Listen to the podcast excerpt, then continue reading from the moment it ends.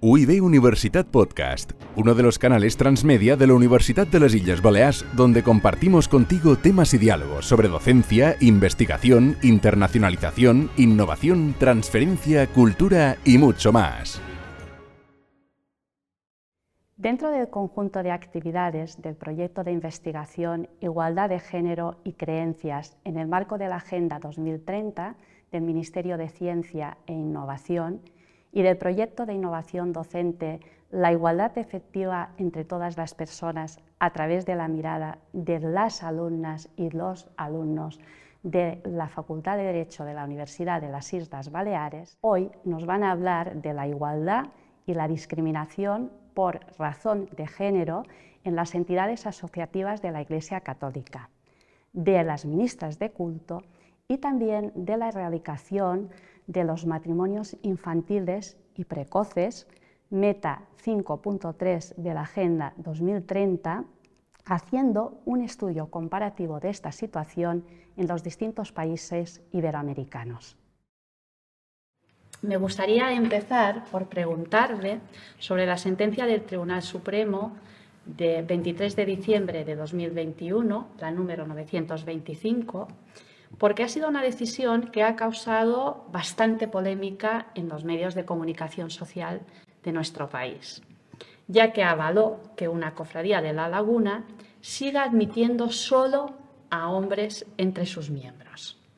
¿Cuáles han sido los principales argumentos del Tribunal Supremo para avalar una decisión que algunos han considerado contraria a los derechos de las mujeres? Centrándonos en el caso que, me pregunta, que ha sido un caso en efecto mm, polémico, em, quiero enmarcar en primer lugar la situación, eh, ya que es importante, eh, y es que se trata de una cuestión de discriminación en un ámbito no laboral. Y eso va a marcar ahora cuando eh, lo explique o intente ilustrar cuáles son los argumentos del Tribunal Supremo, creo que es un tema sumamente relevante. Eh, les resumo brevísimamente eh, la, situación. Eh, se trataba de una cofradía fundada en el siglo XVII que en su artículo primero preveía únicamente la admisión de miembros varones. Una mujer de La Laguna solicitó en, diversos, en diversas ocasiones en los años los últimos diez años más o menos, me parece recordar que fue, ser admitida en dicha cofradía y eh, la admisión le fue denegada, pues los estatutos eran taxativos respecto a esta, a esta cuestión. Eh, dos sentencias de instancia dieron la razón a la demandante que alegaba haber visto vulnerado su derecho a la igualdad y no discriminación por el hecho de no ser admitida, así como su derecho de asociación. Eh, esas dos instancias primeras le dieron la razón y ordenaban a la cofradía eh, modificar ese número uno de sus estatutos por contravenir el principio de igualdad y no discriminación. Llegada la causa al Tribunal Supremo, eh, el Tribunal revierte esta decisión. ¿Y cuáles son sus argumentos? Esta era su pregunta. Bien, pues eh, diría que el, Tribunal Supremo em, fundamenta mm, amplísimamente su decisión en una interpretación, eh, yo creo que mm, bien construida, sobre la eh, libertad de asociación sobre una libertad que es eh, fundamental eh, en cualquier eh, ordenamiento occidental, democrático, basado en, en, un sistema de libertades, precisamente, y, y considera que la libertad de asociarse, de autoorganizarse las asociaciones y, por tanto, de establecer unos fines, unos, unos objetivos y unos criterios de admisión de los miembros es algo fundamental. Em, lo que dice el Supremo es, bueno, en este caso eh, tenemos un derecho fundamental, que es el, derecho de asociación, que eh, entra en conflicto con otro principio fundamental de nuestro ordenamiento, que es el principio de igualdad y no discriminación. Cuando dos derechos fundamentales entran en conflicto, es necesario realizar una ponderación. Aquí podríamos decir, luego volveré sobre este asunto en, otra de las cuestiones que trataremos, pero podríamos decir que el Supremo, al hacer esta ponderación, em, parte de la amplitud e importancia del derecho de libertad, de la libertad en general que debe tener, que se debe eh, vivir en las sociedades democráticas y concretamente de la libertad de asociación. Y, la clave, eh, digamos, la clave de discernimiento de esta ponderación en este caso eh, se basa en que cuando hay un conflicto entre una posible desigualdad o un trato discriminatorio y el derecho de asociación, entendido como derecho a establecer unos criterios eh, de admisión en los miembros, ese conflicto se resuelve a favor de la libertad de asociación, salvo y de la autonomía de la voluntad, podríamos decir, de sus miembros, salvo que esa asociación eh, mm, esté en una posición de dominio mm, frente a, mm, digamos, en un ámbito em, eh, económico, laboral eh, o social. Una interpretación amplia de estos, de estos conceptos. Y, es, mm, y, es, relevante que eh, lo que dice el Supremo es, bueno, eh, aquí la cuestión es que si una persona eh, no puede entrar en una de estas asociaciones porque su membresía no está prevista, es excluida, podríamos decir, em, quedaría en una posición de perjuicio económico, social o laboral. Es decir, mm, afinando un poco, lo que dice el Supremo es esta persona no se vería discriminada tanto porque no se le admita en la asociación, sino porque por la posición de, este, dominio de esta asociación en un contexto laboral o económico, esta persona se vería, o sea, las consecuencias, ¿eh? el perjuicio que le supondría eh, la no admisión, eso es lo que no sería tolerable. Por tanto, em, digamos que eh, yo creo que aquí acertadamente el Supremo eh, entiende que mm, debemos mirar con mucho cuidado eh, cuándo se está limitando la libertad, en este caso la libertad de asociación. Finalmente, em, digamos, la sentencia lo que hace es un análisis bajo estos criterios que ya han sido aplicados en muchos otros casos. analiza el caso de esta cofradía, mm, constatando que no se trata de ninguna eh, asociación que preste un servicio público ni que tenga ninguna posición de dominio, mm, tiene fines religiosos, eh, sus, eh, sus, objetivos y sus fines son exclusivamente limitados al ámbito religioso Mm, y, además no se observa, dice el Supremo, ningún propósito de discriminación en, eh, esta disposición de sus estatutos. Eh, por lo cual, eh, concluye que no ha habido discriminación alguna en este caso. Ha hablado de estos argumentos y ahora le quisiera preguntar por los elementos que usted considera más relevantes a la hora de valorar jurídicamente este caso concreto. Muchas gracias. Pues mm, eh, me he limitado en la, mm, cuestión anterior a, mm, digamos, a, hilvanar un poco la argumentación del Supremo. De esta argumentación yo destacaría mm, tres elementos. Muy rápidamente, el primero, mm, que como ya he dicho considero muy positivo, es el, poner en valor la libertad, la libertad de las personas y de los grupos sociales, que es algo básico en una sociedad plural, democrática, donde eh, interesa que haya diversidad, no, queremos sociedades homogéneas, no queremos sociedades eh, constreñidas a organizarse o a hacer las cosas en una determinada manera, sino precisamente la democracia lo que, digamos, lo que posibilita. La, democracia es también la diversidad de opciones y de sensibilidades. En este caso, la libertad de asociación claramente es una libertad que favorece el desarrollo de la personalidad de las personas y de los grupos y, por tanto, es un valor muy positivo a proteger. En segundo lugar, el Supremo, aunque de manera, a mi modo de ver, quizá un poco pobre e insuficiente, eh, me hubiera gustado ver un mayor desarrollo, pero sí que es verdad que el Tribunal Supremo conecta eh, indefectiblemente la, eh, digamos, la libertad de asociación, en este caso recordemos que se trataba de una cofradía, por tanto, de una asociación religiosa, la vincula a la libertad de asociación, vincula la libertad de asociación, en segundo lugar, a la libertad religiosa en su ámbito colectivo y a la autonomía de las entidades religiosas. Em, esto es importante porque, a mi modo de ver y de muchos otros autores, eh, claro, las entidades religiosas, digamos, tienen su libertad interna doblemente potenciada o doblemente protegida. Por una parte, por el derecho de asociación, que ya hemos comentado antes al, hablar sobre los, eh, los criterios del, Tribunal Supremo, pero por otro lado, esta, esta libertad de, de organizarse mm, con los criterios que estime mejores, más adecuados a su propio etos y a sus propias características, es algo que está protegido además por un segundo derecho fundamental en el artículo 16 de la Constitución, que es el derecho de libertad religiosa. Esta, esta, conexión la hace el Supremo, aunque me hubiera gustado em, ver más desarrollada esta segunda parte, es decir, el fundamentar también en la libertad religiosa de los grupos sociales eh, esta, autonomía y este modo de proceder de la, cofradía en cuestión.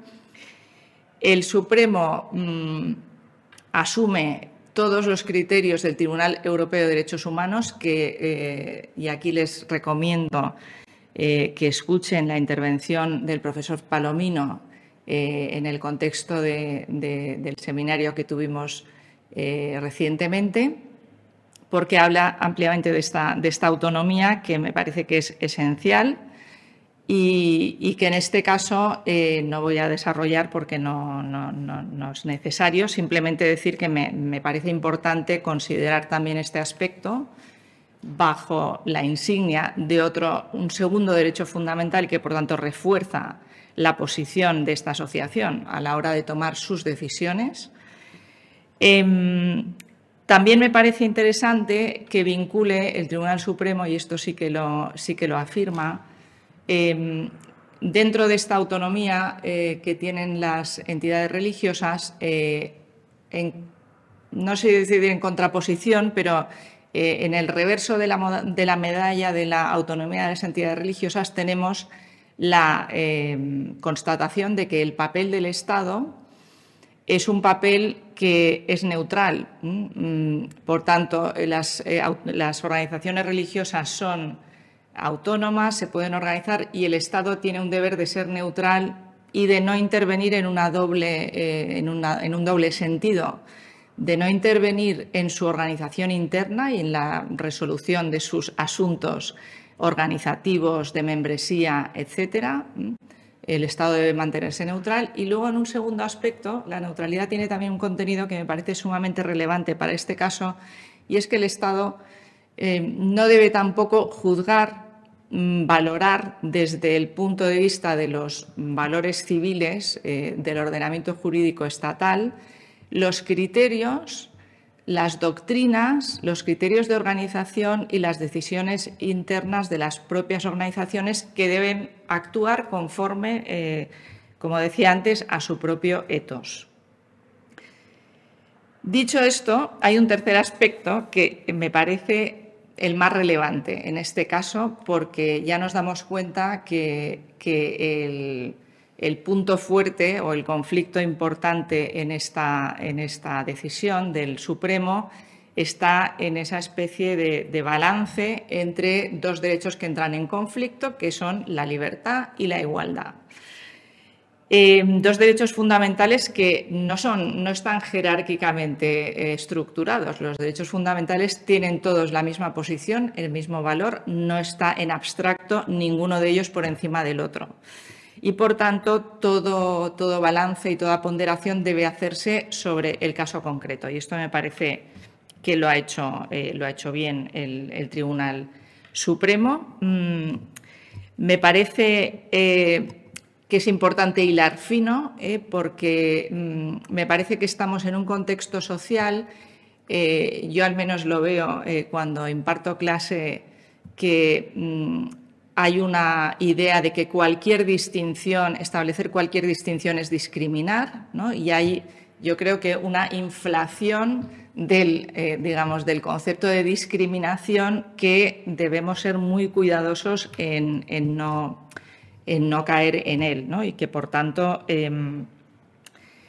eh, son, eh, ambos valores son importantes y debemos, como decía antes, hilar mm, muy fino. Muchos autores han entrado, han hecho apreciaciones interesantes a nivel internacional. Estoy pensando en el profesor Rivers, el profesor Leigh eh, en, Reino Unido, han, puesto el acento en los riesgos de que mm, impongamos eh, un cierto igualitarismo mm, en las sociedades y que bajo un pretexto de igualdad eh, estemos coartando injustamente la libertad, que como he dicho antes me parece que es también, lo sabemos perfectamente, un valor fundamental. Por tanto, no toda desigualdad, no todo trato específico es discriminatorio y, vale la pena eh, tenerlo muy en cuenta, ¿no? porque un, igualitarismo malentendido pues, eh, crearía sociedades artificialmente homogéneas y, sobre todo, coartaría la libertad de las personas y de los grupos. Em, yo me, he traído simplemente un trocito de una sentencia, unas pocas frases para, para, que se vea mm, también esta, esta realidad. Es decir, que el concepto de igualdad no es una realidad unívoca, eh, monolítica y que debe aplicarse y que, y que está ajena, podríamos decir, a consideraciones también y apreciaciones éticas eh, ideológicas. ¿eh? Eh, la sentencia del Supremo, creo que este texto se ha recogido en la propia sentencia que estamos comentando, dice la prohibición de discriminación en el plano privado no significa que toda actividad que llevan a cabo particulares y suponga la intervención de una pluralidad de personas exija una determinada participación de hombres y mujeres si es que sus promotores no la contemplan. Es decir, ¿Qué quiere decir? ¿Que necesariamente una asociación mixta garantiza mejor los derechos de los hombres o de las mujeres? ¿O garantiza mejor la igualdad? Pues no, no hay estudios concluyentes sobre eh, que esto deba ser así o así, al menos en todos los casos. Por tanto, hay que ser muy cuidadosos y, me gustaría mencionar, mm, casi para terminar esta, esta, esta respuesta, eh, a un caso emblemático ocurrido eh, con una asociación de mujeres, en sentido contrario, una asociación de mujeres en Valencia a la que se le pretendía negar eh, la inscripción en el registro de asociaciones. Y en ese caso, la reacción de diversos constitucionalistas fue muy tajante, diciendo, bueno, es que el derecho de asociación eh, mm, implica el derecho a decidir con quién uno quiere asociarse y para qué. Si eso se coarta de cualquier manera, eh, pues eh, se está violando gravemente la libertad de las personas. Em, por tanto, yo diría, no cabe, creo, en una sociedad democrática una propuesta, una única propuesta sobre cómo conseguir la igualdad, ya sea de hecho, ya sea de derecho. No cabe eh, una igualdad sin renunciar a los rasgos identitarios. Mm, esta es una cuestión que quizá eh, eh, he comentado poco, pero ciertamente si renunciamos a todo lo que es identitario, si renunciamos a toda diferencia, finalmente acabamos por homogeneizar injustamente lo que hemos dicho que era un valor democrático, que, es la pluralidad y que son las diferencias. Y que, por tanto, no toda distinción eh, es discriminación.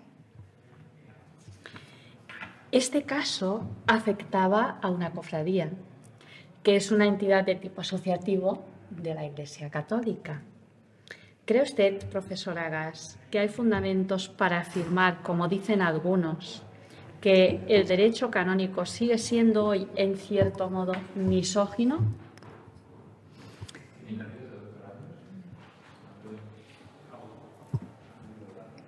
Efectivamente, este es un, digamos, uno de los tópicos que podemos encontrar eh, y que posiblemente en las noticias sobre, sobre la sentencia del Supremo eh, es uno de los comentarios que, se ha hecho.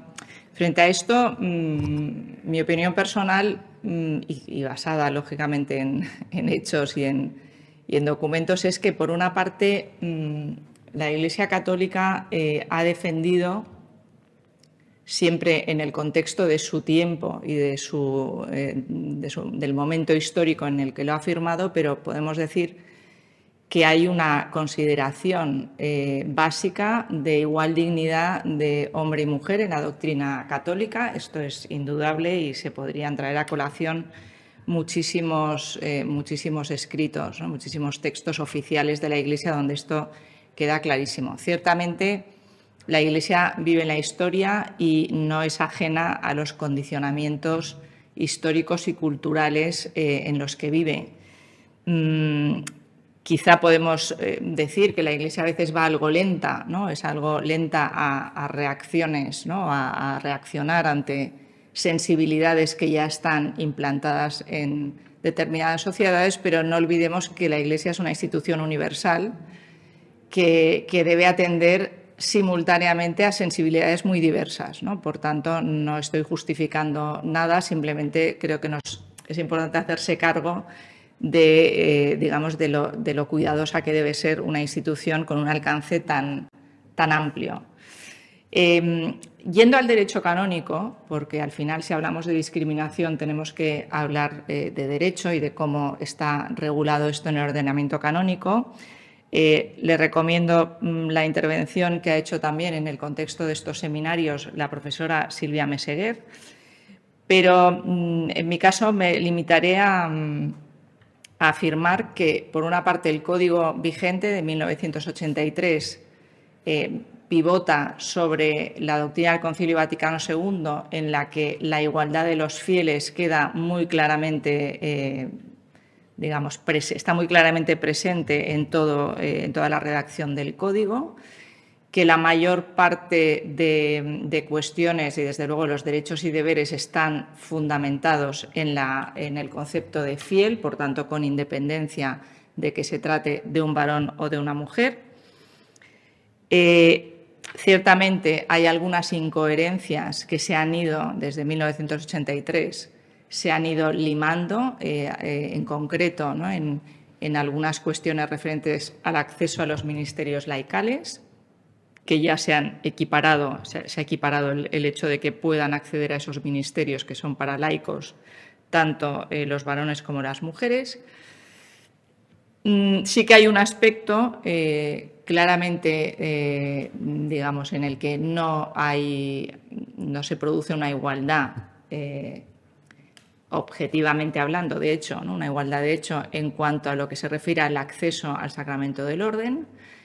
Se trata de una cuestión que ha, sido ampliamente debatida. Eh, no voy a resolverla aquí eh, en, dos frases. Sí que cabe decir, por una parte, que en este caso el sostener esta, esta reserva a los varones del sacramento del orden tiene unas razones teológicas, o sea, es decir, se fundamenta no en un desprecio hacia la mujer o una consideración de inferioridad, sino en una doctrina teológica que es ampliamente conocida y cognoscible por cualquiera, por tanto, basada en el propio etos eh, religioso.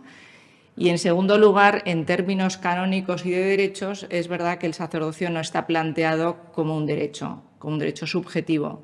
Y por tanto, eh, en estos términos tampoco cabría hablar de, una discriminación, puesto que no hay derecho eh, al sacerdocio ni para el hombre ni para la mujer.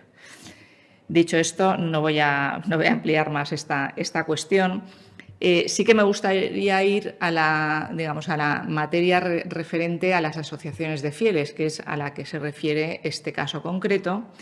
Y en este terreno mm, podemos decir que la Iglesia Católica, en los cánones referentes a las asociaciones, eh, habla de fieles y, por tanto, al hablar de fieles, digamos, da una amplísima libertad de actuación a las propias entidades para que se organicen eh, internamente según los criterios que estimen mm, más adecuados. Eh, y por tanto hay asociaciones mixtas, hay asociaciones solo de mujeres y, y, puede haber asociaciones también solo de hombres. Es decir, la Iglesia no tiene una, digamos, una posición específica sobre que es lo más conveniente. Eh, en este terreno sí que he tenido oportunidad de revisar rápidamente eh, la legislación canónica particular en el caso de, España, puesto que este caso que estamos comentando eh, pues era un caso sucedido en España. Y sí que he constatado, y me parece positivo, la diversidad de posiciones, incluso dentro de la propia jerarquía católica en España. Es decir, que en algunas diócesis por ejemplo, eh, pongo el caso de, Sevilla porque en Sevilla se dio una situación o un vuelco, podríamos decir, paradigmático en este terreno en 2011, cuando el arzobispo estableció como obligatorio el que, al menos para las cofradías, no, estoy segura si se podría aplicar a todo tipo de asociaciones, pero estableció como obligatorio que fueran mixtas. ¿eh? No estaba dicho así, pero que digamos que debían admitir ¿eh? o no podían admitir solo a, hombres o solo a mujeres. Este caso mm, ha sucedido luego, mm, digamos, en otras, este mismo, esta misma tendencia se ha observado en otras diócesis, pero no en todas y por tanto podemos decir que la actitud de la Iglesia, y además de la Iglesia en España, es la variedad, la libertad, el dar, em, digamos, cancha a que cada eh, asociación o cada diócesis establezca internamente y sean las autoridades legítimas de la Iglesia y las propias autoridades de cada asociación que decidan cómo quieren configurar su propia asociación. Dicho esto, y ya eh, como última cuestión, eh, sí que me gustaría añadir que esta autonomía de la que venimos hablando y esta libertad de la que gozan las asociaciones católicas eh, no debería ser utilizada como pantalla para encubrir situaciones reales de discriminación o de actuaciones arbitrarias. Em, sabemos todos muy bien que eh, la discriminación, es decir, que el trato desigual es discriminatorio cuando no hay una justificación razonable eh, para esa distinción. Bien, pues eh, yo diría que aquí quizá la Iglesia Católica sería, em, sería importante que afinara también, eh, que afinara eh, en la definición y en la justificación si decide o cuando se decida hacer algún tipo de distinciones en cuanto a la membresía. Em, de hecho, el canon 304 mm, dice mm, digamos, establece una conexión entre los objetivos, los fines de la asociación y los criterios para la admisión. Y aquí me parece que nos da bastante la clave de por dónde deberían ir los tiros. Es decir, si yo decido que una asociación, ya sea una cofradía o cualquier otra asociación, sea solo para mujeres o solo para hombres o sea mixta, yo debería conectar de alguna manera el por qué tiene que ser eh, solo para hombres o solo para mujeres porque yo tengo unos objetivos eh, determinados que dan razón de esta distinción de trato. Y aquí me gustaría también puntualizar que estamos en el ámbito de la autonomía religiosa, es decir, que esta justificación objetiva y razonable de la distinción debe ser una, una eh, una justificación razonable desde el punto de vista del etos de la propia asociación o, de la, en este caso, de la propia entidad religiosa, sea la Iglesia Católica o el de la propia asociación de la que se trate.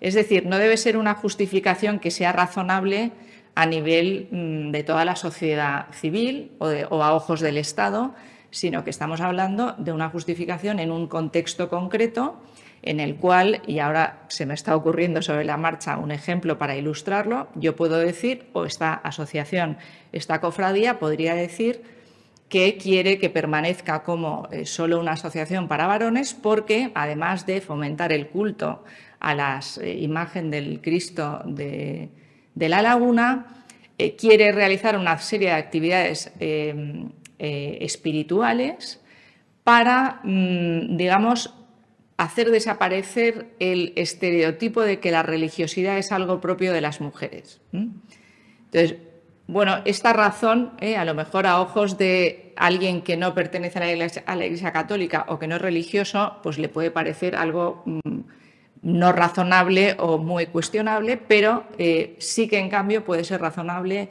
y lógico en un contexto eh, religioso. Eh, última observación respecto a la pregunta, digamos, más eh, candente de la Iglesia es misógina, ¿no? Su derecho, digamos, no respeta los derechos de las mujeres. Yo creo que queda claro que el derecho canónico sustancialmente es igualitario en cuanto al reconocimiento de derechos.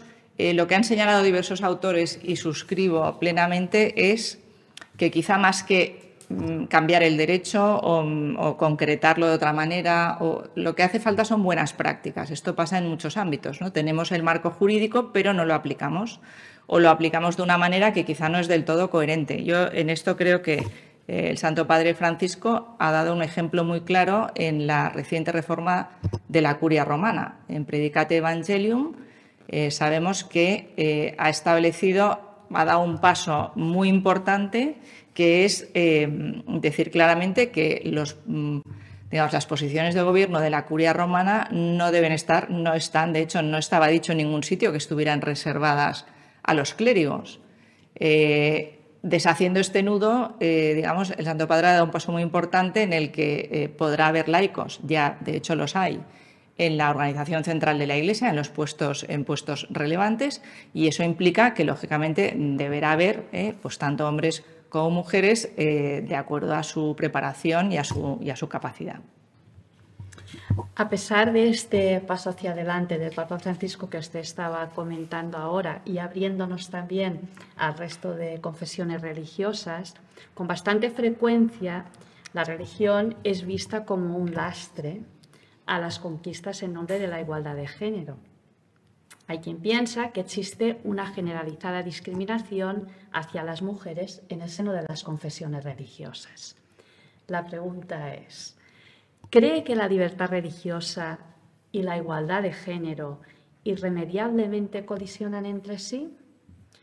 ¿Cómo podrían conciliarse estos derechos fundamentales en vista de los objetivos de la Agenda 2030 para el Desarrollo Sostenible? Pues mm, esta es una gran pregunta y creo que es la, es la cuestión que flota eh, en, todas las intervenciones de este seminario, eh, porque ciertamente yo creo que esta, este choque entre igualdad de género y religión eh, es en cierto modo algo un poco abstracto o algo más de papel que, real. De hecho, los estudios sociológicos, hay numerosísimos estudios sociológicos que muestran eh, que esta realidad, esta polarización, podríamos decir, entre religión y, e igualdad de género no es tal.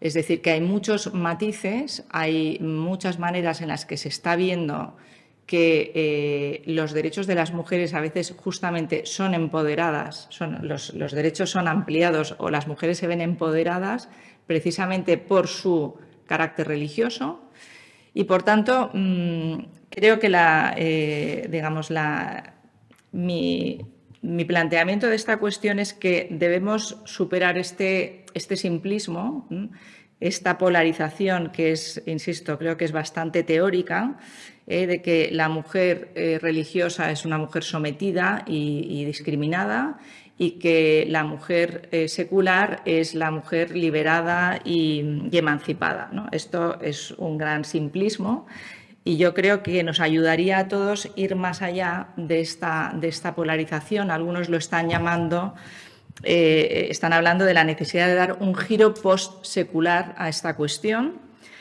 eh, de abandonar las guerras culturales, porque no lo olvidemos y nos damos cuenta fácilmente que detrás de esta simplificación mm, pues está digamos, una cierta guerra cultural entre lo secular y lo religioso.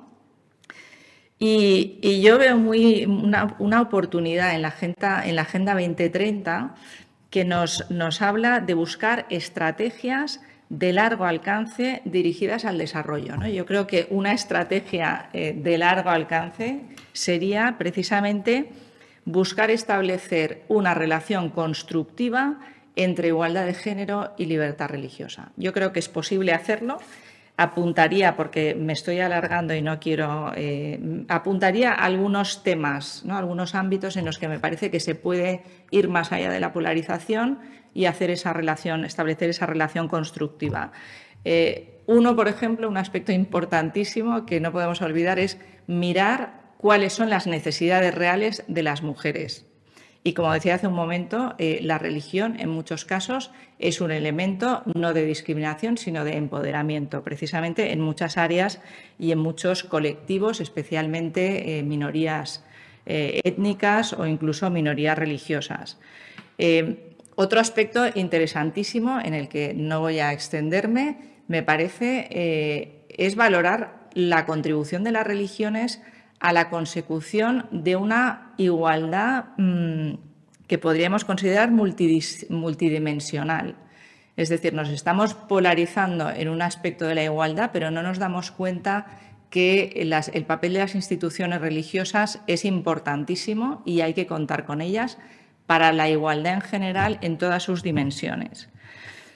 Em, me parece también esencial, tal como, hemos ido viendo en todo el desarrollo de, este comentario a la sentencia, eh, que en los pasos hacia la igualdad dentro de las instituciones religiosas debemos dejarla, dejarlo mm, a las propias instituciones religiosas. No digo a las instituciones como tales, simplemente, sino a sus miembros. Es decir, hay un papel muy, un ámbito muy interesante que es el de empoderar eh, a las mujeres dentro de las propias instituciones religiosas para que, eh, digamos, promuevan, también a los hombres, lógicamente, para que desde dentro se promuevan esos cambios que son aconsejables o necesarios en algunos casos. También es importante abrirse a las lecturas eh, religiosas sobre la igualdad, religiosas o de otro tipo, digamos, no secular. Eh, porque, como decía antes, hay una lectura de la igualdad demasiado, demasiado monolítica, demasiado mm, limitada. Y desde, desde, las religiones, desde las sensibilidades religiosas, eh, hay matices como, lo que, como, por ejemplo, la complementariedad, la, mm, eh, fin, otros elementos eh, que, muchas veces la igualdad, el concepto de igualdad predominante hoy en Occidente no capta y, con el que se puede decididamente enriquecer. Finalmente, dos últimos aspectos. Eh, el promover cambios de actitud más que mandar o prohibir. A veces pensamos que las leyes de igualdad lo solucionan todo, ¿eh? vamos a prohibir una serie de cosas, vamos a obligar a todo el mundo a pasar por determinado aro y esto al final acaba produciendo a veces efectos contrarios. Es más importante los cambios de actitud, es más importante eh, llegar a las personas y a los grupos para promover esos cambios que serán necesarios. Y finalmente, la educación, que además dentro de los Objetivos de Desarrollo Sostenible es claramente el, ODS número 4, es fundamental, hay que educar, eh, hay que educar en derechos humanos y dentro de esa educación en derechos humanos, pues tanto en lo que implica el, contenido de la libertad religiosa como lo que implica la igualdad de género. Yo aquí destacaría ya como última cuestión el que mm, eliminemos también los estereotipos, ¿eh? yo diría dos tipos de estereotipos, ¿no? en la educación, al educar sobre la igualdad de género, es importante eliminar los estereotipos religiosos, es decir, el estereotipo de que la religión es algo malo o algo que dificulta necesariamente la igualdad.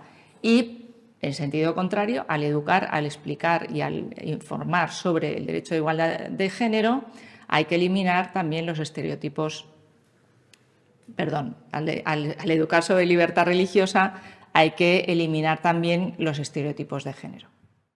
¿Las ministras de culto tienen relevancia en nuestro ordenamiento jurídico? ¿Y qué funciones realizan?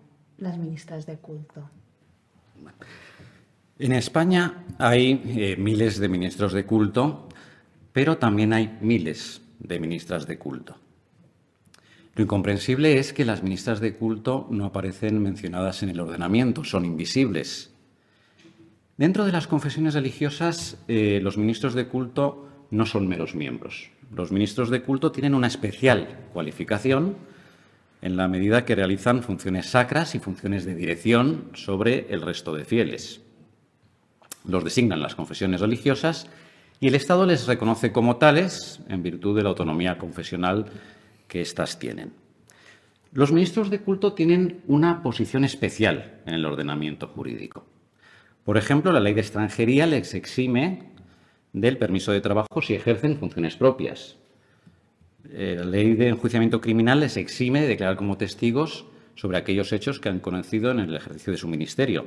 Y el artículo 752 del Código Civil les prohíbe heredar de aquellos a los que han atendido espiritualmente. Por lo tanto, el Código Civil en este caso tiene una visión negativa de los ministros de culto.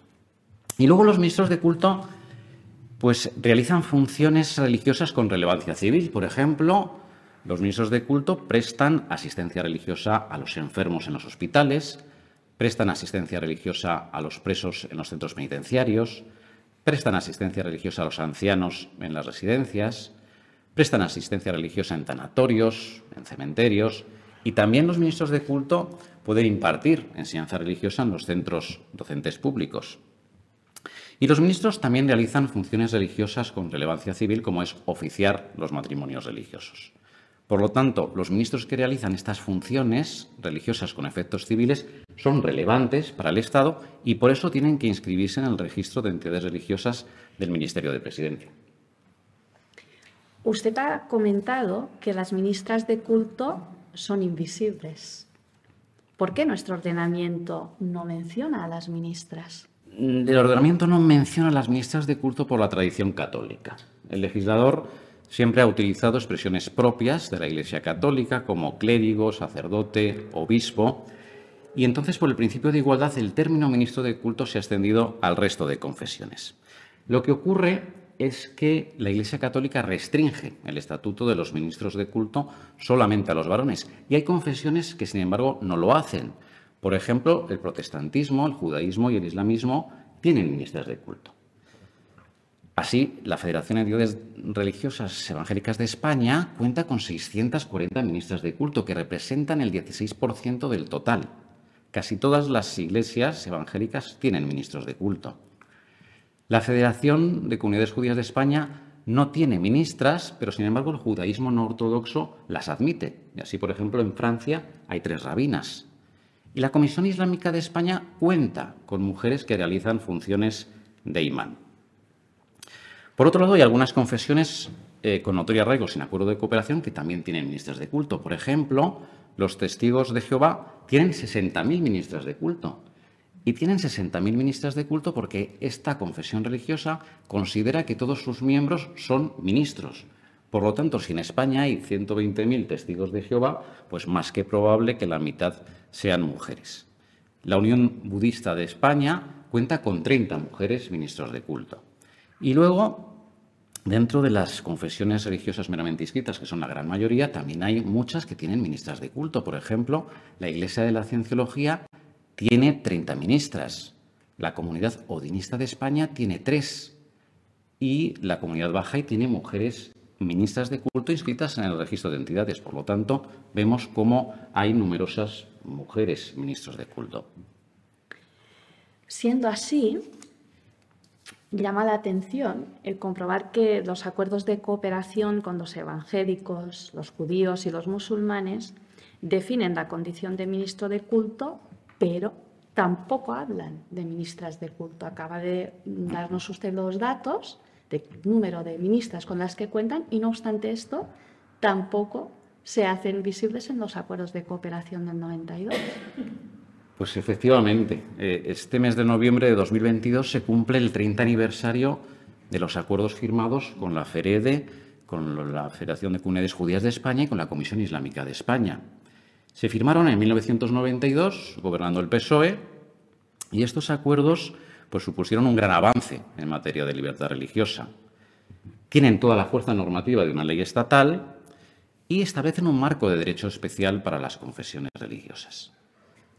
Son muy importantes porque, por ejemplo, el acuerdo firmado con la Comisión Islámica de España, en la exposición de motivos, señala que la religión musulmana es factor de la identidad nacional, que no es cualquier cosa. En el caso de los judíos supuso zanjar 500 años de destierro.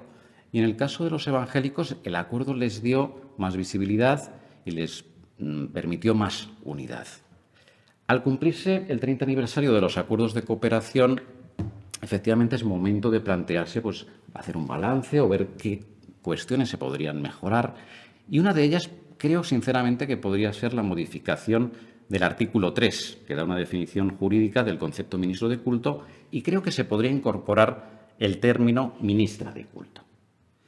No me gusta que el lenguaje se contorsione, pero creo que el lenguaje inclusivo en este eh, ámbito tendría pleno sentido conforme las recomendaciones del Consejo de Europa. Y sería reforzar el lenguaje para enfatizar que te refieres a todos los ministros de culto. Lo cierto es que tenemos un gobierno progresista, feminista, pero no da relevancia a las ministras de culto. Realmente, en los últimos tiempos, los gobiernos no dan relevancia a la cuestión religiosa. Si miramos, por ejemplo, la Administración Central del Estado, existe una Dirección General de Derechos de los Animales y, sin embargo, de la cuestión religiosa se ocupa una mera subdirección. Este año 2022 ha habido una subvención de casi dos millones de euros para las entidades de protección animal y, sin embargo, para las confesiones religiosas con acuerdo apenas ha llegado a un millón. Evidentemente, si los presupuestos muestran el valor de las cosas, en este caso las comparaciones son odiosas. Eh, además, eh, si miramos a nivel autonómico, existen también institutos de la mujer en todas las comunidades autónomas y, sin embargo, tampoco hay órganos específicos que se dediquen a la cuestión religiosa en el ámbito autonómico. Por lo tanto, es llamativa esta situación de la falta de organismos públicos que se dediquen a la cuestión religiosa. Si el Estado diera más relevancia al papel de la mujer en las confesiones, creo que se avanzaría en igualdad de género en este ámbito. A pesar de los grandes avances sociales, pues parece que sigue habiendo una gran desconfianza hacia aquellos grupos religiosos que no sigan el modelo marcado por la Iglesia Católica. El término ministra de culto creo que ofrece una realidad distinta de la tradicional y creo que debería incorporarse en la legislación. Aunque no esté incorporado en la legislación, de hecho existen y llevan a cabo funciones religiosas con efectos civiles. ¿Podría hablarnos un poquito de qué tipo de funciones están habilitadas para realizar? Sí, eh, efectivamente la función más importante eh, que realizan las ministras de culto es oficiar matrimonios religiosos. Nuestro ordenamiento reconoce efectos civiles, evidentemente al matrimonio civil, pero también reconoce efectos civiles al matrimonio católico, al matrimonio de las tres confesiones con acuerdo de 1992, evangélico, judío y musulmán, y también reconoce eficacia civil al matrimonio de las cuatro confesiones con notorio arraigo sin acuerdo de cooperación, es decir, budistas, ortodoxos, testigos de Jehová y mormones. El matrimonio católico cambió la posición de la mujer. Supuso el reconocimiento de un derecho, unos derechos y unos deberes, una igualdad para la mujer. Y la sociedad se articuló en torno a la familia cristiana. Actualmente, el 20% de los matrimonios son católicos en España. Los matrimonios de las confesiones religiosas minoritarias son muchos menos, pero pueden realizarlos mujeres. Hemos dicho que pueden haber mujeres evangélicas que realicen el matrimonio, que lo oficien, también pueden realizarlo eh, las testigos de Jehová. Y, por ejemplo, en 2017 se realizó el primer matrimonio budista por una mujer. El budismo es la única religión de las confesiones que tienen notorio arraigo que reconoce eficacia civil a los matrimonios igualitarios, lo cual no deja de llamar la atención también porque no es algo que tenga arraigo en España. Pero lo importante es que vemos que hay diferentes posibilidades de que las mujeres ministras puedan ejercer matrimonios. Y también dentro de las confesiones meramente inscritas existe esa reclamación porque sabemos que hay numerosas confesiones que también realizan ministras matrimonios. Y entonces creo sinceramente que la modificación que se produjo en 2015 podía haber incorporado esta posibilidad y de esta forma se hubiera evitado la discriminación que existe y así evitar que las confesiones meramente inscritas tengan que realizar dos matrimonios, uno en forma civil y otro ante su ministro o ministra de culto sin eficacia civil. Y otra de las funciones que realizan los ministros de culto con eficacia civil es el testamento militar. El artículo 716 del eh, Código Civil reconoce competencias notariales a los ministros de culto. Así, en las Fuerzas Armadas, el testador enfermo o herido puede realizar testamento ante un ministro de culto. Es una función muy poco frecuente, pero podría ser ejercida por numerosos ministros y ministras de culto, dado que todas las confesiones religiosas tienen la posibilidad, mediante el régimen de libre acceso, de prestar asistencia religiosa a las Fuerzas Armadas. En el caso de la FREDE, por ejemplo, pues existe una estructura muy bien organizada, tienen capellanías evangélicas en diferentes ciudades andaluzas, también en Madrid, también en Badajoz, también en Zaragoza. Y desde el año 2012 la coordinadora de asistencia religiosa realiza el desayuno de oración. Y en el caso de los musulmanes, pues también tienen una estructura muy organizada donde realizan asistencia religiosa en diferentes centros militares, principalmente en Ceuta y Melilla. Estas serían, por tanto, las dos grandes funciones, oficiar matrimonio con efectos civiles, la más importante, y también el testamento militar. Además de tener la condición y de realizar las funciones de ministra de culto, ¿qué otras funciones tiene la mujer en las confesiones religiosas?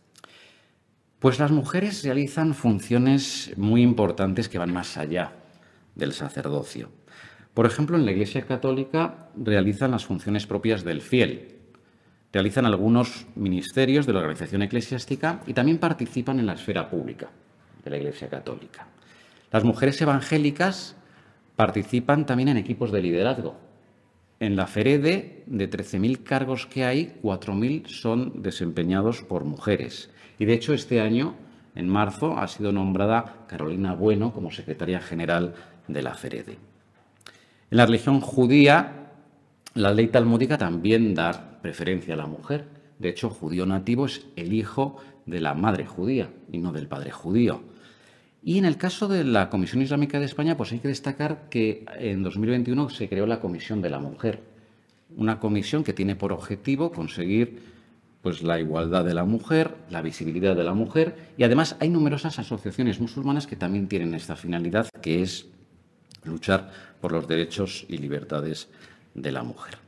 En cuanto a las confesiones con notorio arraigo sin acuerdo de cooperación, pues también tienen funciones importantes. Por ejemplo, eh, la sede de los testigos de Jehová está compuesta tanto de hombres como mujeres.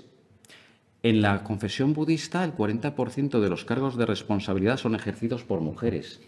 Y en la iglesia mormona existen 1.500 cargos jerárquicos desempeñados por mujeres. Además, en la iglesia mormona está la Sociedad de Socorro, que es una de las instituciones más antiguas, que se fundó en 1842 que tiene por finalidad la caridad y está compuesta por siete millones, todas ellas mujeres. Por lo tanto, vemos cómo tiene la mujer un papel fundamental. Y por citar una de las confesiones meramente inscritas, la comunidad Bahá'í, por ejemplo, también da mucha relevancia a la mujer. Esta confesión religiosa fue la primera inscrita en el registro de entidades religiosas en España y llegó de la mano de una mujer estadounidense. Esta confesión religiosa repito, protege y fomenta la igualdad de género y además los proyectos que desarrolla habitualmente son proyectos ejecutados por mujeres porque tienen mm, demostrado que tienen unos resultados mucho mejores. Por lo tanto, la función de la mujer en las confesiones va más allá del sacerdocio, realizan funciones muy importantes para las confesiones y también para conseguir las finalidades de las confesiones religiosas. Cambiando de tema, usted recientemente ha publicado un artículo sobre el laicismo feminista. ¿Qué es esto? Efectivamente, acabo de publicar un artículo con este título del laicismo feminista y debo hacer algunas eh, precisiones. ¿no? El documento de la ponencia del último Congreso del Partido Socialista define la laicidad como la religión de la libertad. Por pura eliminación, entonces, el resto de religiones no lo son. Y efectivamente se puede entender que las religiones que no sean esa religión de libertad van contra el progreso. El documento también señala que leyes socialistas como el aborto, el matrimonio homosexual, la eutanasia, son conquistas de la laicidad para avanzar y son conquistas conseguidas luchando democráticamente, dice el documento, contra sectores conservadores e integristas y también contra el Partido Popular y Vox. ¿A quién se refiere el documento entonces con sector conservador e integrista? Yo creo que la respuesta es fácil de conseguir. o entender. Y el documento identifica también el feminismo con el laicismo y viene a decir que es la forma de conseguir la igualdad de la mujer y conseguirla mediante la lucha contra el patriarcado. Evidentemente, creo que la igualdad es la finalidad que deben tener todos los partidos políticos, conseguir la igualdad de eh, hombres y de mujeres. Creo que la laicidad no tiene realmente que ver con el feminismo, a no ser que el feminismo se entienda como un elemento impulsor del laicismo. Cada vez hay más ataques a las iglesias eh, católicas, ataques por grupos feministas radicales y utilizan lemas anticatólicos, como vamos a quemar la conferencia episcopal, y es muy probable que estos grupos feministas consideren que mediante sus acciones pues luchen contra el patriarcado y también luchen para cooperar con ese laicismo como religión de Estado. Eh, la democracia es incompatible con la discriminación de la mujer, pero la democracia también es incompatible con el radicalismo. Eso es absolutamente evidente. Y creo sinceramente que el feminismo que apela al odio, el feminismo que apela al odio, no favorece eh, la igualdad de género, ni mucho menos. Es más, creo que va en contra del propio feminismo porque no representa a todas las mujeres, especialmente a las mujeres católicas.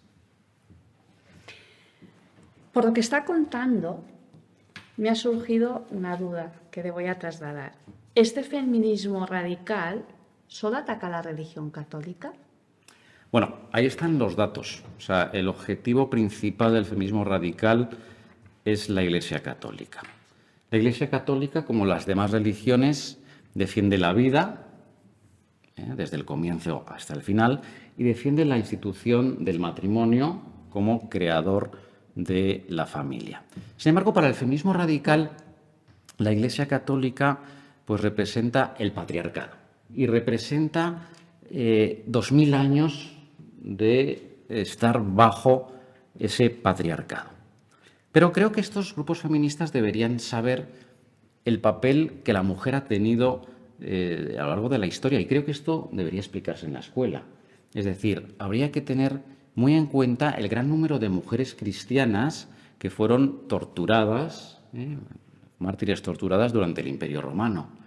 Habría que recordar que Santa Teresa de Jesús, que es copatrona de España, fue la primera gran escritora feminista, en un momento en el que no había visibilidad alguna de las mujeres. Concepción Arenal, firmemente católica, fue pionera del feminismo a mediados del siglo XIX.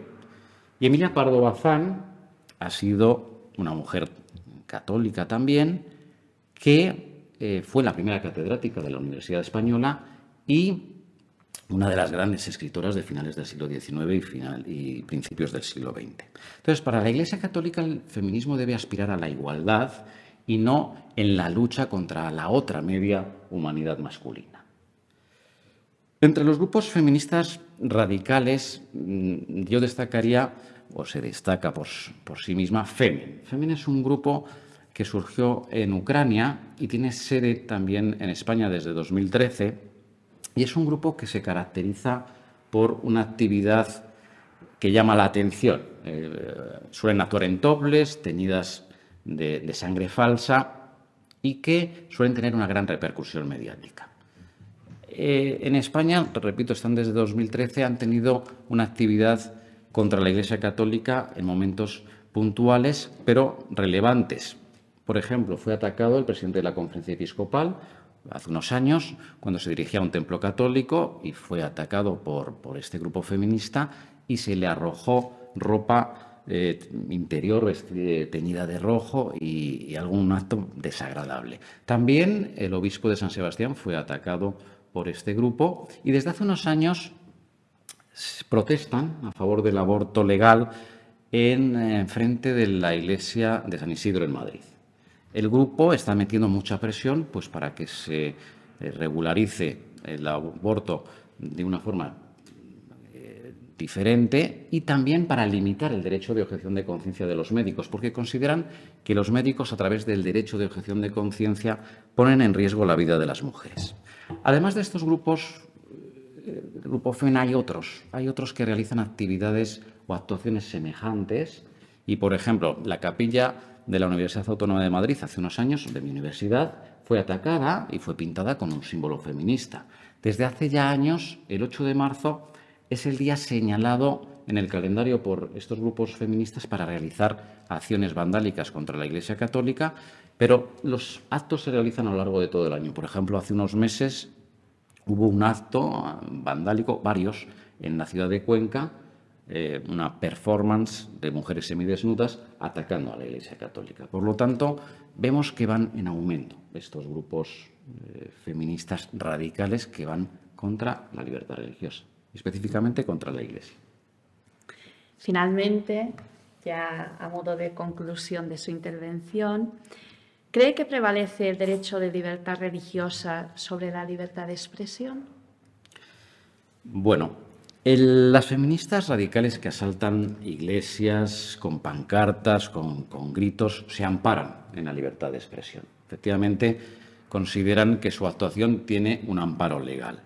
Pero evidentemente la libertad de expresión es una conquista de la sociedad democrática, pero tiene límites. Uno de ellos es la libertad religiosa, que también es una conquista de la sociedad democrática. El Tribunal Europeo de Derechos Humanos ha dicho en diferentes ocasiones que las confesiones religiosas y, los individuos no están libres de crítica, pero que hay que evitar las expresiones gratuitamente ofensivas, porque no favorecen el debate público y lo que hay que evitar sobre todo es la incitación al odio, porque va contra la democracia. Los tribunales españoles se han pronunciado también sobre asaltos a iglesias y hay diferentes sentencias que avalan el derecho de libertad religiosa. Por ejemplo, en el año 2017 el Tribunal Supremo eh, confirmó la violación de la libertad religiosa en una iglesia de Palma. Según los hechos probados, entraron tres chicas y dos chicos en una iglesia del centro de Palma de forma violenta, interrumpieron la misa al grito de aborto libre. Entonces, evidentemente, se produjo una situación de tensión donde los fieles se sintieron obviamente agraviados. El Tribunal Supremo reconoció y consideró que se había violado el derecho de libertad religiosa, que efectivamente tienen derecho de libertad de expresión las personas, pero no hasta el punto de limitar la libertad religiosa de los demás.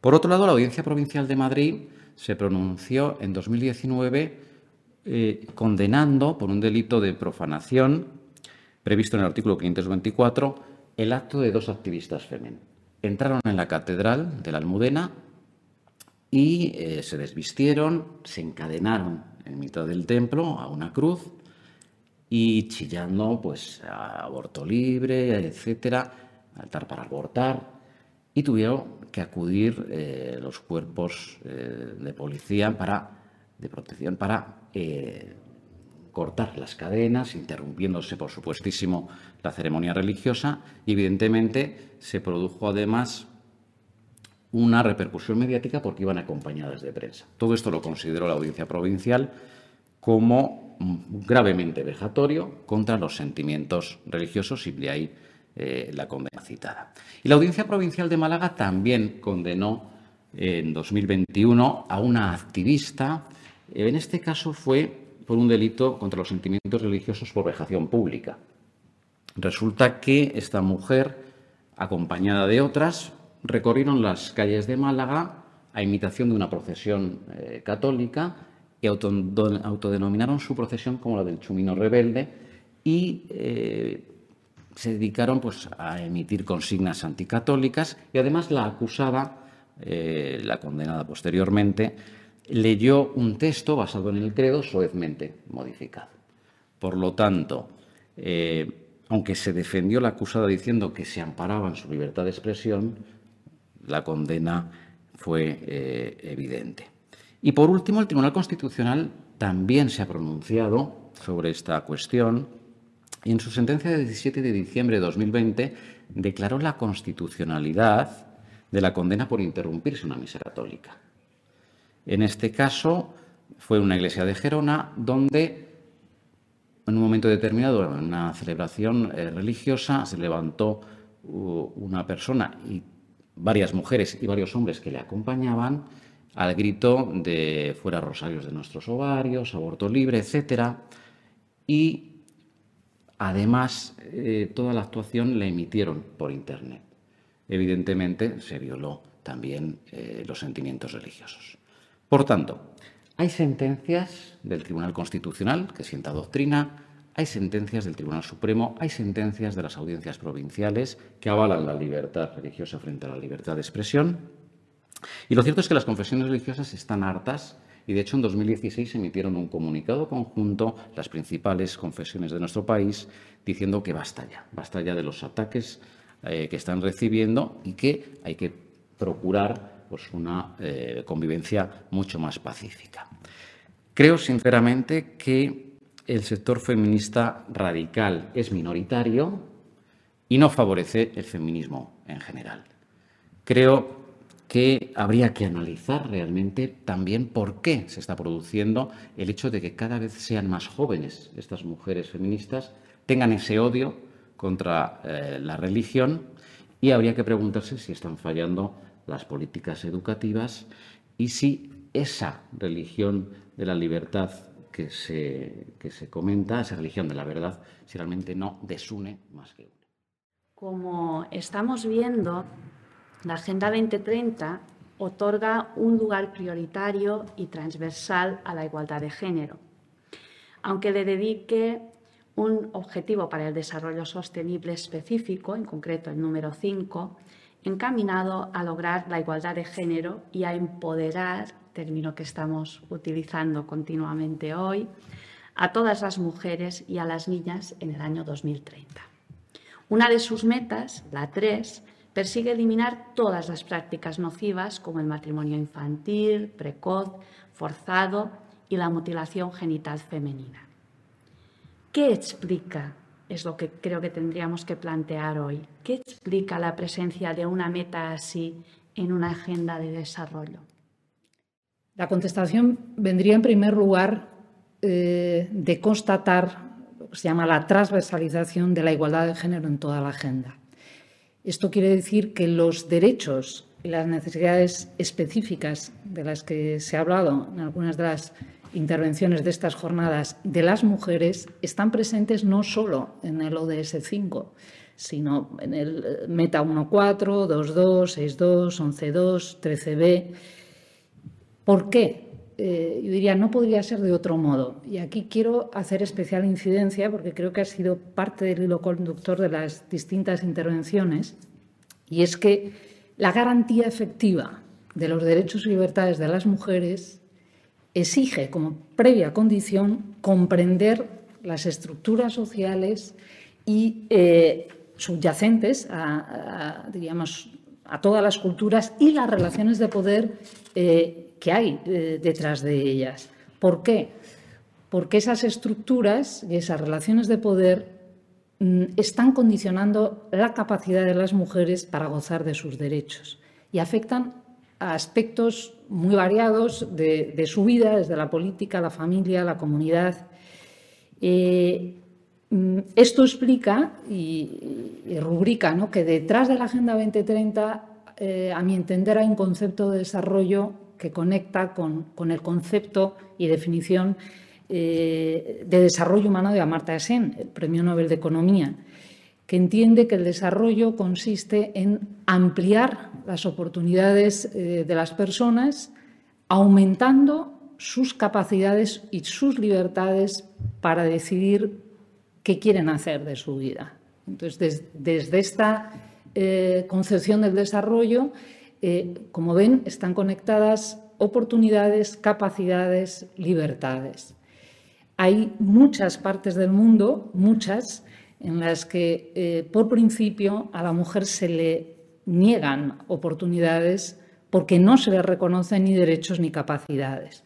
Por eso la Agenda 2030, eh, como se ha mencionado también en alguna de estas intervenciones, mm, nos dice no dejar nadie atrás. Y en nadie atrás eh, eh, desde luego afecta directamente a la mujer junto con otros colectivos que acumulan vulnerabilidad. Es más, en el caso de la mujer se dan casos de situaciones de discriminación múltiple o insectorialidad eh, en la discriminación. Es decir, acumulan discriminación por ser mujer, por ser niña, por una etnia, por una religión. Eh, cada una de ellas excluye, cada una de ellas le deja atrás. Mm, otra explicación añadida de por qué esta meta en esta agenda eh, es eliminar la violencia de las mujeres. Este tema no aparece en el escenario internacional hasta la conferencia de Pekín. A partir de ese momento, una de las secciones, eh, una de las patas de esa agenda en favor de los derechos de la mujer pone el foco en la violencia, en eliminar cualquier forma de violencia, como son cualquiera de estas prácticas nocivas.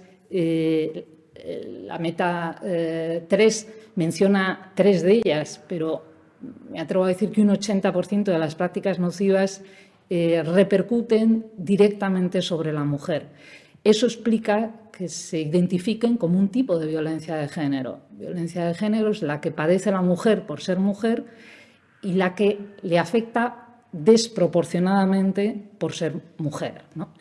Eh, en este sentido, tanto la, eh, Comisión Comité perdón, de Eliminación para la Discriminación de la Mujer como el Comité de Derechos Humanos, en sendas observaciones, eh, instan a los Estados a la obligación de proteger eh, mujeres y niñas no solo de las violencias que acontecen en el espacio público, sino las que acontecen en el espacio privado, ya sean cometidas por padres, madres, cónyuges. ¿no? Por lo tanto, la agenda al colocar eh, eh, la igualdad de género, en, diríamos, no voy a decir en el vértice porque vuelvo a, la idea esta de la transversalización, está convirtiendo en una oportunidad eliminar la violencia.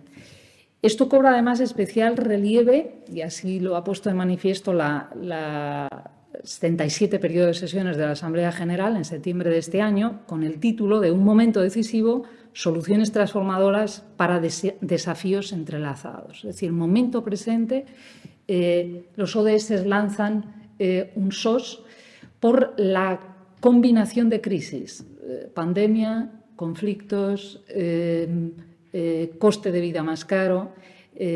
Mm, todo eso invita a que esas crisis combinadas exigen soluciones conjuntas y acción urgente. Cada una de esas crisis impacta desproporcionadamente en mujeres y niñas, hasta tal punto que eh, la previsión rota eh, por estas pandemias de alcanzar esas metas en el 2030, doy cifras, dice, se espera que otros 10 millones de niñas se casen eh, para 2030 como, entre otras cosas, consecuencia de la pandemia. Por lo tanto, claro que esta meta ocupa un lugar estratégico en el desarrollo. Es más, fíjense, 8 de los 17 ODS no se podrán lograr eh, a no ser que acaben eh, con los matrimonios infantiles. Hablamos de educación, hablamos de alimentación, hablamos de salud, eh, por mencionar algunos, de trabajo, o sea, 8 de los 17. Por lo tanto, diríamos que es una estrategia palanca eliminar estas prácticas nocivas mm, es necesario en una agenda de desarrollo. Podemos entender entonces que se trata de un fenómeno de dimensiones muy preocupantes para constituir, digamos, eh, una materia, un punto de la Agenda 2030. Pues desgraciadamente hay que decir que sí, porque eh, UNICEF augura que para 2050 habrá alrededor de 120 millones de niñas que habrán celebrado su matrimonio antes de los 18 años. Y parte de la preocupación es que la inmigración ha, expandido este fenómeno, eh, fenómeno que antes podría estar mm, geográficamente más localizado y que ya no es así.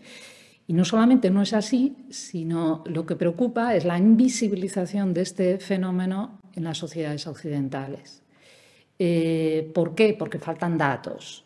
En realidad, diría que esta meta, mm, el primer efecto que tiene es, que como otras muchas de las metas de, la Agenda 2030, es la necesidad de visibilizar con datos. ¿vale? Eh, si carecemos, por poner un ejemplo, de registros, como ocurre en muchos países, de nacimientos, eh, fíjense toda la cadena de, bueno, de violaciones de derechos que puede haber detrás de esto. En el caso de España, por ejemplo, no es una cifra alarmante, pero no es irrelevante precisamente por esa escasa eh, información. Latinoamérica, porque mm, puesto el foco en esta región del mundo, les doy datos. Los países de, América Latina tienen una de las tasas más elevadas de matrimonio infantil en el mundo. Entre los 10 países eh, de los cuales latinoamericana, eh, perdón, la región latinoamericana tiene datos, que ya es mm, una primera información, muchas no hay datos actualizados, Nueve de esos países se ubican por encima del promedio mundial. Esa tasa es inferior en este momento a África subsahariana y Asia meridional, pero es una tasa importante. Una de cada cuatro mujeres en América Latina y Caribe contrajo matrimonio por primera vez en una unión temprana o en un matrimonio antes de cumplir los 18 años. Y ahí los índices varían, pues desde un 10% en Jamaica hasta un 30% en Nicaragua, Honduras, Belice, República Dominicana. Otro dato más de la región es que eh, eh, las uniones infantiles se dan más en, uniones eh, llamadas tempranas, ni siquiera registradas como uniones de hecho, por lo tanto, esa vulnerabilidad todavía se hace mayor. Otro dato más interesante de la región es la etnicidad. Se sabe que eh, el 75, doy datos, por ciento de las mujeres de 20 a 24 años casadas o en uniones informales antes de los 18 son indígenas. Eh, ¿vale? En Paraguay es un 75, un 50% en Panamá. ¿vale? ¿Por qué es además preocupante esta región? porque su prevalencia, es decir, la prevalencia de este tipo de uniones, no ha variado en los 25 últimos años. Y esto no estamos, eh, no sé, hablando, yo considero mucho más pobre el África subsahariana que Latinoamérica, eh, y que las cifras no se hayan movido es eh, apenas, es, es realmente preocupante, hasta tal punto que en 2030, si la tendencia se mantiene, será uno de los índices más elevados solo tendrá por delante África subsahariana, cuyo contexto objetivo de, desarrollo en cualquiera de sus facetas, desgraciadamente, el de África, es, mm, preocupante.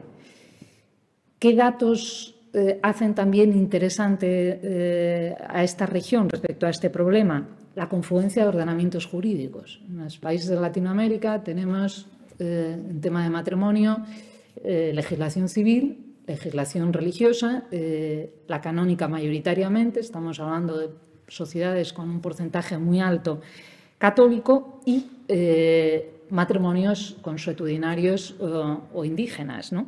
Por lo tanto, añade complejidad. Añade también complejidad, o no sé si la palabra sería complejidad o curiosidad, la pluralidad de sistemas matrimoniales que hay en estos países. Y entonces constatamos que, por poner un ejemplo, los matrimonios infantiles se están prohibiendo, en este momento en países latinoamericanos con sistemas civiles obligatorios, como es el caso de Cuba, Guatemala o México, pero también con sistemas facultativos como puede ser Panamá o Costa Rica. También en esta región hay una eh, panorámica muy diferente en cuanto a la respuesta que se ha dado a esta meta. Eh, por ejemplo, hay países que prohíben eh, el matrimonio infantil, es decir, a partir de los 18, de los 18 para abajo está prohibido. Mm, otros que lo permiten a los 16 años con autorización como puede ser un Brasil, Barbados, Dominica, Nicaragua, y otros que incluso eh, pueden conceder en situaciones muy excepcionales la dispensa contraer matrimonio antes, de los 16 años, como una Argentina o un Colombia. Lo que sí que se sabe es que eh, el efecto los efectos o consecuencias de estos matrimonios infantiles son mm, preocupantes en términos de educación, en términos de sanidad, en términos de aislamiento. Eh, por lo tanto, haciendo justicia era necesario incorporar una meta así en, en la agenda. Está hablando de términos matrimonio infantil, matrimonio precoz, matrimonio forzado. ¿Son lo mismo? En el supuesto de que no, ¿qué los diferencia?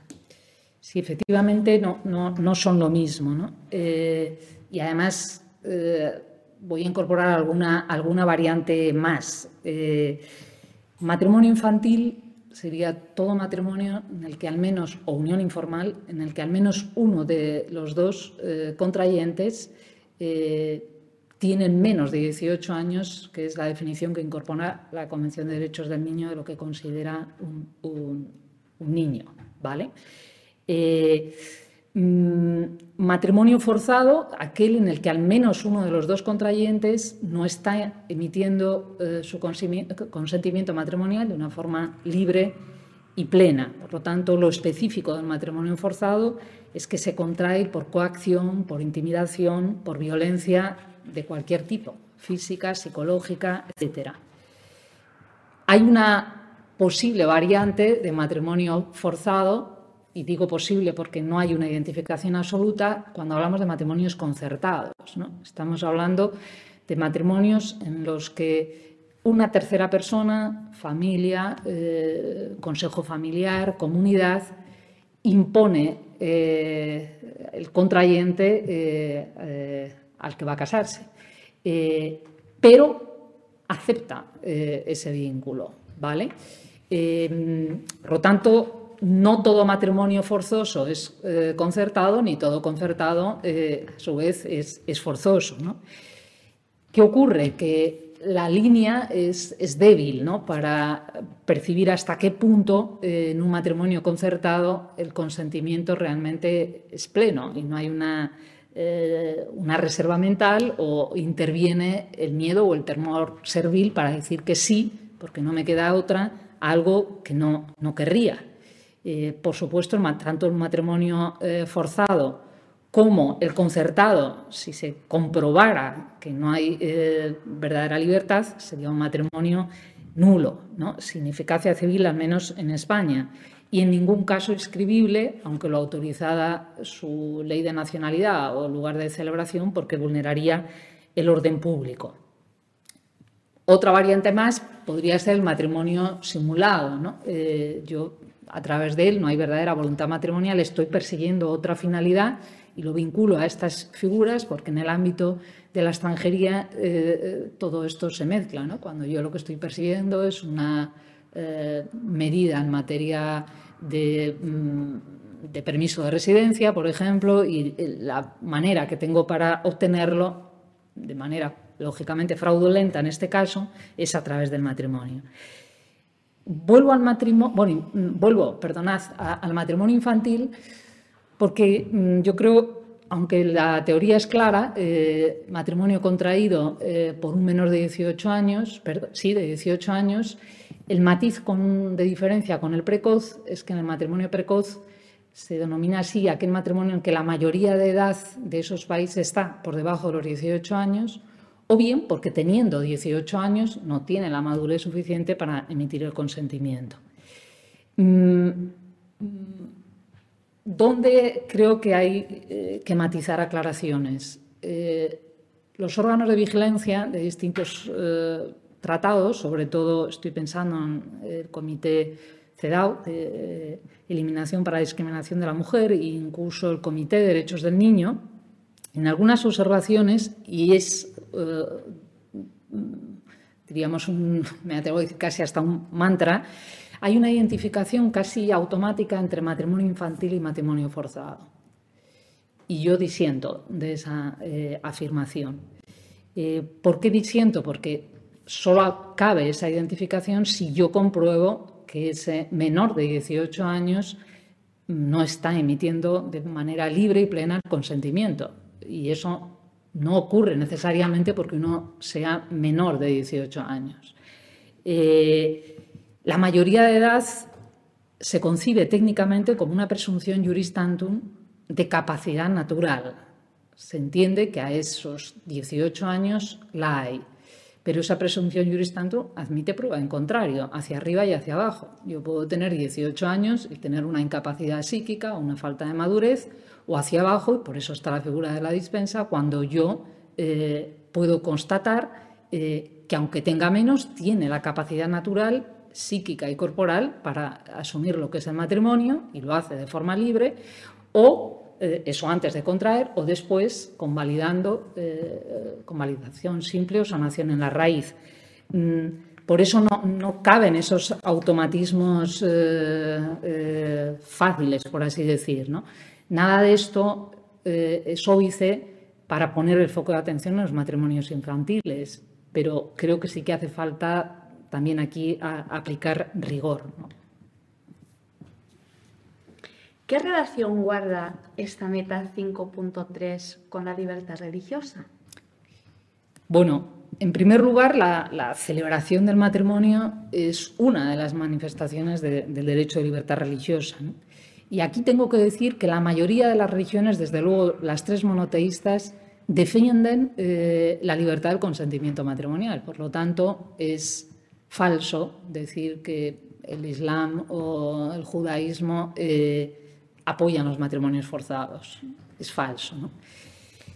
Este es el momento para aclarar que también ha salido en las distintas intervenciones mm, mm, como algunas, muchas, te, voy a decir prácticamente todas las prácticas tradicionales nocivas eh, no necesariamente eh, se amparan en la libertad religiosa, más bien lo hacen pocas.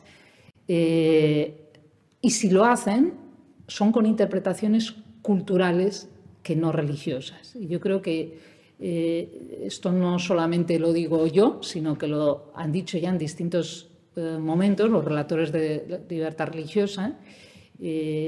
conviene aclarar a este respecto, la profesora Francisca Pérez daba eh, un, matiz diciendo cómo la relatora actual eh, parecía que había hecho un punto de inflexión respecto a sus precedentes. Y eso tiene su explicación. La relatora actual lo fue también de la eh, relatora de derechos culturales. Por lo tanto, este y es pakistaní, este punto de sensibilidad para entender qué procede de cultura y qué procede de religión es importante.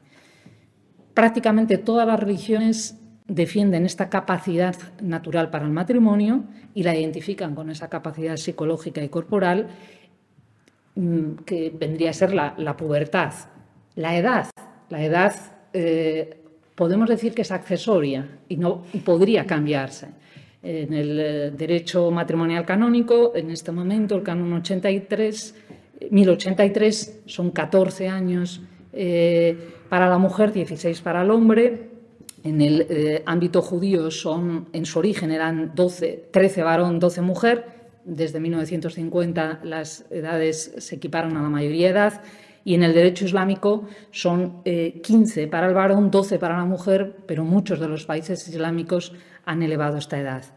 Sí quiero hacer un matiz en el ámbito canónico, porque claro, estamos hablando de una manifestación de la libertad religiosa, pero también de un derecho fundamental, el derecho a contraer matrimonio. Por lo tanto, las restricciones a este derecho eh, solo caben por grave causa. Eh, y, insisto en el argumento que uno podría tener menos de 18 años y tener la capacidad eh, para contraer ese matrimonio. En el ámbito canónico, esas edades podrían variarse y, de hecho, eh, las conferencias episcopales eh, para la licitud dicen elévese eh, la edad, primero cuando no sea esa, la legislación civil no, haya establecido una edad diferente y eso lo han hecho países como Perú, Salvador, Honduras, México, Puerto, Puerto Rico, Chile, Colombia.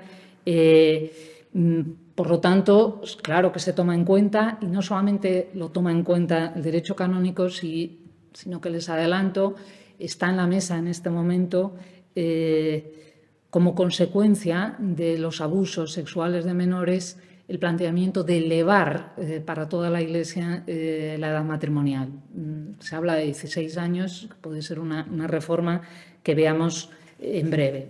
Eh, mm, una aclaración última. El derecho de libertad religiosa tiene sus límites y, por lo tanto, no podría invocarse la libertad religiosa para justificar ninguna práctica nociva. Entrarían en juego los criterios restrictivos que prevén los pactos eh, y que prevén, a mayoría los estados democráticos.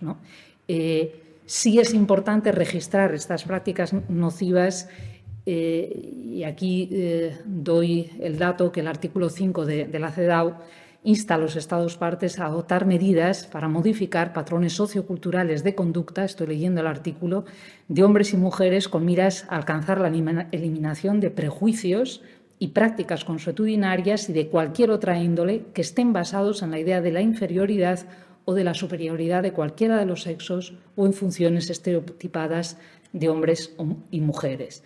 Por lo tanto, eh, no reconocer la eficacia civil a los matrimonios eh, religiosos por principio sería restringir eh, la libertad religiosa, pero aquellos que contradicen el orden público, y así lo ha hecho saber en una orden del 2015 la Dirección eh, General de Registro y Notariado, mm, no tendrían eficacia civil en España en ningún caso.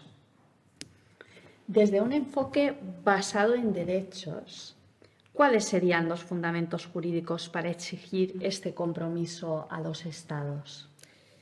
Bien, mm, eh, aclaro claramente, de forma clara, eh, que estas tres prácticas nocivas eh, son una violación de derechos humanos y son calificadas como violencia de género precisamente porque repercuten de forma desproporcionada en mujeres y niñas.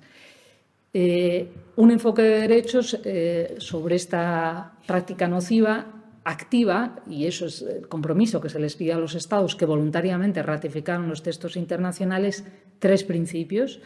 El derecho del hombre y de la mujer a elegir libremente con quién quieren casarse y a contraer con libertad.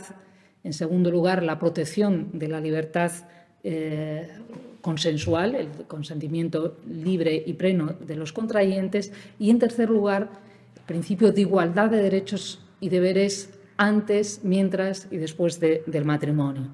Eh, a estos tres principios que aparecen en sucesivos textos internacionales habría que añadir los matices claros que incorpora, por ejemplo, la Convención de Derechos del Niño, que aunque no prohíbe expresamente el matrimonio infantil, sí insta a velar por el interés superior eh, del menor y sí, en su artículo 24.3, habla de eliminar prácticas tradicionales perjudiciales para la salud de los niños, así como protegerles de malos tratos, explotación eh, que eh, conectan directo, recto con, estas prácticas. El CEDAW sí que incorpora eh, la Convención para la Eliminación a la Mujer en su artículo 16 que no se insta a los Estados a que no tenga ningún efecto jurídico ni los esponsales ni los matrimonios infantiles. Y quisiera mencionar, por el valor que tiene la Convención de Estambul de 2011 de violencia contra la mujer, eh, donde de forma muy clara se insta a los Estados a que, artículo 42, eh, se eliminen estas prácticas y dice claro, eh, aunque se estén cometiendo en nombre del honor, de la cultura, de la costumbre, de la religión, de la tradición, a la vez que invita a los estados a que adopten distintas medidas, como pueden ser la de anular esos matrimonios, la de tipificar como delito eh, estas conductas eh, o la de apoyar preventivamente eh, las potenciales víctimas de este tipo de matrimonios. Los estados que se han comprometido con la erradicación de estos matrimonios forzosos, infantiles y precoces ¿Qué respuestas legales y qué medidas están adoptando? Es verdad que, eh, cualquier cambio legal eh, a este respecto es importante, pero mm, no será eficaz si no va acompañado eh, de un enfoque integral. Y digo esto porque no, mm, antes se hablaba de buenas y malas prácticas, en este tema esto es clave. No resolveríamos el matrimonio infantil si mantenemos otras prácticas nocivas como pueden ser quema de viudas, como pueden ser cuestiones de herencia, como pueden ser violaciones o violencias sexuales y de género culturalmente admitidas, trabajo y abuso infantil, tráfico sexual e intermediación matrimonial. Como bien ven, acceso a la educación. Mm, esto es claro. Dicho esto, eh, hay que decir que las medidas que han adoptado los estados son sobre todo en tres bloques. Eh, civiles, eh, impidiendo, prohibiendo, declarando nulos estos matrimonios. En materia de extranjería, impidiendo la reagrupación familiar cuando se sospecha que a través de ella hay un matrimonio forzado o infantil y establecen un mínimo de edades. Eh, Estambul dice 21 años, es decir, como eh, tope, prohibiendo por debajo de esa edad esas reagrupaciones. Eh, y las hay también penales, ¿no? Mm, castigando el delito. Y a este respecto tengo que decir que la opinión mayoritaria es acudir lo menos posible eh, a la intervención penal. ¿Por qué? Pues porque muchas de esas intervenciones penales se han diseñado pensando en prohibir, o sea, en la prohibición del matrimonio eh, infantil o forzado, pero no están poniendo el foco de atención en la víctima, eh, en la potencial víctima. que les puedo decir por experiencia de casos cercanos en La Rioja, en la región donde está mi universidad, eh, que lanzar el mensaje de la penalización eh, lo único que hace en muchas de estas comunidades que lo practican es eh, invisibilizar más el fenómeno. La, mujer tiene miedo a denunciar, supondría un ostracismo absoluto no solo con su familia, sino con su comunidad. Mm, no es, es, como entrar un elefante en una cacharrería, que se dice, ¿no? Son mucho más necesarias las medidas preventivas, las eh, educativas. Y España en esto eh, ha reaccionado tarde, pero ha reaccionado con la, con la ley del 2021. Voy a tirar de este hilo que me acaba de proponer. ¿Qué medidas ha adoptado España para alcanzar esta meta 3 del objetivo 5 y eliminar los matrimonios forzosos, infantiles y precoces?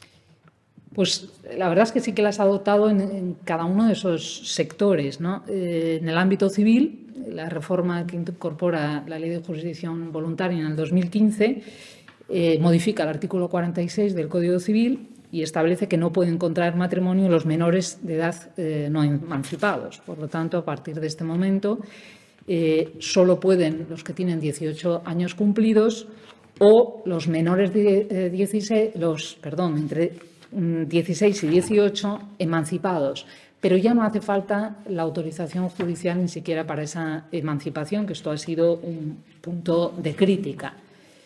De aquí sí que se derivan algunas dificultades, porque nos vamos a encontrar con que en este momento eh, tenemos matrimonio canónico con eficacia civil en España desde la celebración eh, y la tiene en virtud de un tratado internacional Luego tendríamos matrimonios canónicamente válidos, con eficacia civil, pero que no podrían inscribirse eh, hasta los 18 años.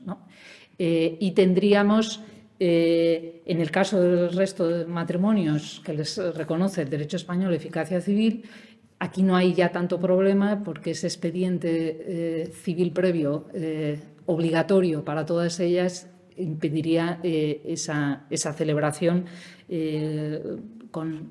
con, menos de 18 años. ¿vale? Eh, en el ámbito tuitivo, como mencionaba hace un rato, eh, no penal, por lo tanto, la Ley Orgánica 8-21 de protección integral de, la infancia y de la adolescencia sí que ha incluido medidas interesantes a este efecto. Varias de ellas incluso se relacionarían con la meta 16.2, que es poner fin al maltrato, la explotación de la trata y todas las formas de violencia. Esta ley sí identifica directamente el matrimonio infantil como un acto de violencia y además lanza los llamados indicadores de riesgo para que trabajadores sociales, educadores sociales detecten situaciones que puedan ir vinculadas a promesas o acuerdos de matrimonios forzados o infantiles. Pues, por ejemplo, eh, habla que se identifiquen prácticas discriminatorias, sobre todo en los responsables parentales, ¿no? contra niños y niñas que supongan un prejuicio en su bienestar o en su salud mental, eh, mm, que se evite que abandonen los estudios, eh, artículo 23.3 por una razón mm, de sexo, sin más, o programas de formación o sensibilización a adultos y a niños sobre estos temas. Eh, en el ámbito penal, con ello acabo, la respuesta eh, podría, no solo en España, en la mayoría de los estados va por dos vías. Por la vía de la trata, o sea, eh, que el matrimonio forzado o el infantil sea un medio a través del cual se está articulando la trata, o directamente como una violencia de género. España, en aplicación de la Convención de Estambul y de algunas eh, directivas, en el artículo 177 bis, eh, prevé, tipifica expresamente la celebración de matrimonios forzosos como un tipo de trata y más recientemente el artículo 172, mm, párrafo tercero, prevé el matrimonio infantil eh, forzoso. Es decir, España no ha tipificado expresamente el matrimonio infantil a secas, por así decir, sino solo como un tipo cualificado de matrimonio eh, forzoso por la vulnerabilidad del menor, contemplando también una variante y es cuando se obliga eh, a una persona a abandonar su territorio de lugar de residencia eh, para trasladarse a España a través o mediante ese matrimonio forzado. Y esas dos situaciones sí que están tipificadas. Hay una abundante doctrina que critica que no esté previsto el matrimonio infantil mm, a secas, por así decir. Yo disiento de esa y estoy de acuerdo con la mm, práctica de que solo sea el forzado. Eh, por, esa, por coherencia con lo que he dicho antes, si no se puede admitir, no debería, estaríamos haciendo una restricción, eh, a lo mejor injustificada, del jus connubi del que tiene 16 años, mm, si encima eh, estoy castigándolo de forma automática, mm, estaría provocando doble grado, doble daño, perdón. Y vuelvo a ese argumento que la respuesta penal no creo que sea la verdadera respuesta para erradicar estas prácticas nocivas. UIB Universitat Podcast, uno de los canales transmedia de la Universidad de las Islas Baleares, donde compartimos contigo temas y diálogos sobre docencia, investigación, internacionalización, innovación, transferencia, cultura y mucho más.